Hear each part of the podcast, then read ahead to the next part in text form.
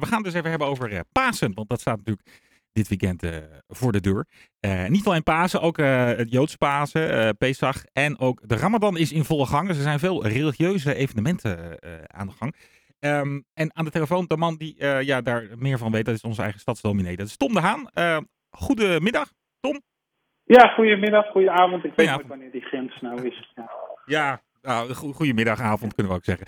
ja, ja. Het is uh, Pasen staat voor de deur hè, en ook Joods Pasen en de Ramadan dan. Dus een hoop uh, religieuze evenementen. Pasen is denk ik voor velen heel bekend.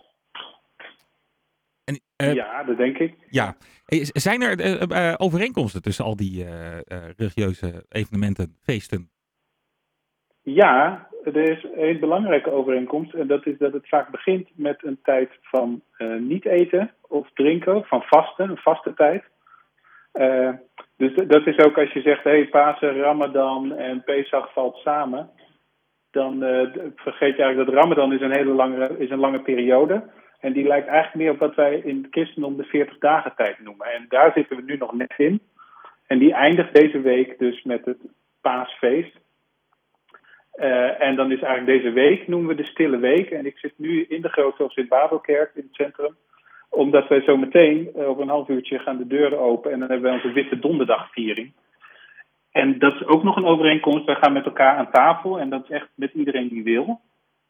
Um, die zich uh, aangesproken voelt. En dat juist dat samen eten, dat is heel erg wat in de Ramadan, steeds als de zon is ondergegaan, dan heb je de iftar maaltijd. Dan wordt er samen gegeten. Uh, en de Pesach, het Joodse Pasen, is als het goed is, gisteravond was de Pesach-maaltijd. Dus dat is ook samen eten. En dan kennen we in Nederland, nou iedereen kent het paasontbijt. Mm Maar op Witte Donderdag vieren we ook het verhaal van de maaltijd die Jezus ooit uh, gevierd zou hebben in Jeruzalem. En dat was de Pesach-maaltijd. En hij vierde natuurlijk het Joodse Pasen. Uh, en dat is in het christendom weer het, ja, het, het, laatste avondmaal geworden, omdat het net valt voordat hij wordt veroordeeld en gekruisigd. Oké, okay, ja. En um, vanavond uh, gaan, gaan jullie dus dat, die, die maaltijd ook uh, eten? In de, in, in, wat, wat staat er vanavond allemaal te, te gebeuren? Kan, je zei al, iedereen kan aanschuiven, nou, maar verder. Ja. Nou, kijk, traditioneel was Witte Donderdag een viering in de kerk en dan deed je avondmaal. Een avondmaal is dan een klein stokje wijn en een klein stukje brood ter gedachtenis. Uh, wat wij hier sinds vorig jaar nu anders willen doen, is dat we zeggen: nee, we vinden het eigenlijk belangrijker dat we met elkaar aan tafel en eigenlijk het leven vieren, zoals Jezus vroeger ook het leven gevierd zou hebben uh, op die maaltijd. Want het Joodse Pesachmaal is een, uh, is een maaltijd waarop juist de bevrijding uit de slavernij herdacht wordt. Dus eigenlijk de vrijheid van een volk vier je dan. Dus willen wij eigenlijk hopen ook hier vanavond de vrijheid te vieren. Dat we überhaupt met elkaar aan tafel in vrede kunnen zitten en het kunnen delen. En, en dat doen we eigenlijk alsof we nog even niet weten dat we dan morgenavond gaan lezen over de verschrikkelijke kruisiging en gevangennemen van Jezus en zijn dood. Ja. En of we ook niet weten dat we dan op paasmorgen of in de paasnacht eigenlijk al uh, het wonder van de opstanding vieren. Maar de, drie religies met elkaar vergelijken is best wel complex hoor. Maar het samen eten is echt een uh, gezamenlijke lijn. Ja, het vast, vaste en, en, het samen eten dan, inderdaad. Ja, ja dus uh, niet, niet eten en wel eten. ja. ja. En, en, en vanavond uh, um, is iedereen gewoon welkom? Oh, ja, ja, dus iedereen is welkom. Het probleem is, als iedereen ook zou komen, dan wordt het best wel lastig. Maar de vraag is aan mensen die komen, neem iets feestelijks mee om te delen. Ja. Dus we hebben wel twee pannen met hele lekkere soep. dat is er sowieso. Maar het is dus ook het idee dat je samen deelt. En we hebben de tafels net heel mooi gedekt en het ziet er prachtig uit. En Nicky Jacobs komt uh, liedjes spelen samen met de man Ivo Bernhard. En zij speelt ook een Joodse roots, dus zij speelt ook Jiddische liedjes, dus dat is ook heel mooi. En het is nog zo nieuw, heel veel mensen weten ook niet dat we dit aan het doen zijn.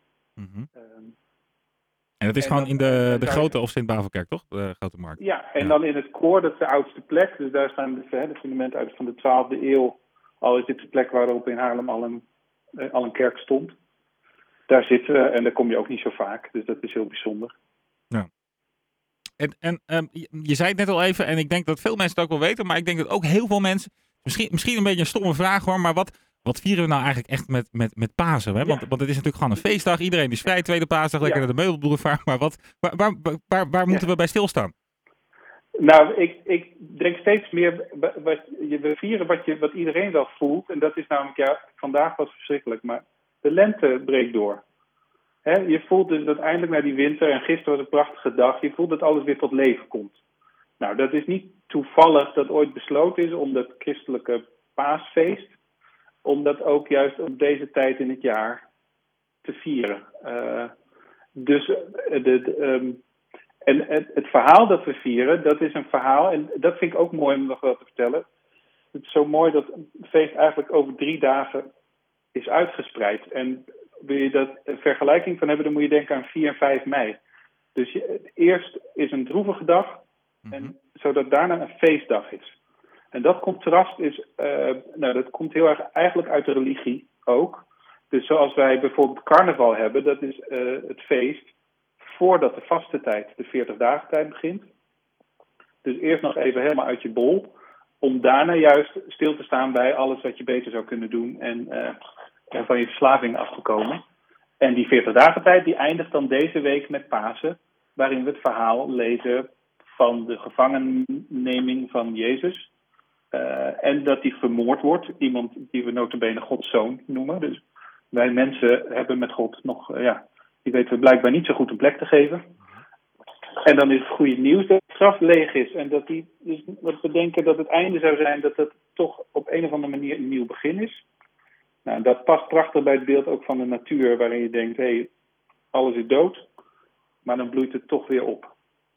En dat zou ik dan zeggen, als we vaak nu over de actualiteit lezen en over onze toekomstvisioenen, dan zijn die nogal somber met het klimaat, met nou, alles wat er mis is in de wereld. Ja. En dan denk ik eigenlijk dat wat we met elkaar vieren is dat, ook al zien we het niet zitten, we, we willen toch met elkaar geloven dat het goed komt.